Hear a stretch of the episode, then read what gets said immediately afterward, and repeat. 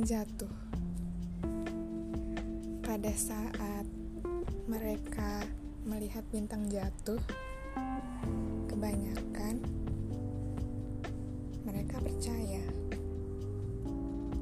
jika apa yang dia inginkan akan dikabulkan. Mengapa harus menunggu bintang jatuh dulu? Baru yakin bahwa harapan kita akan terkabul. Padahal, dibandingkan bintang jatuh yang mungkin hanya datang satu tahun sekali, saat suara azan berkumandanglah yang paling sering datang di sekitar kita.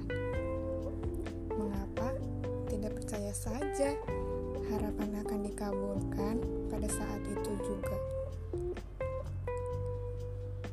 Ya, setidaknya kita menjadi lebih sering merindukan suara azan dibandingkan merindukan saat bintang jatuh ke bumi.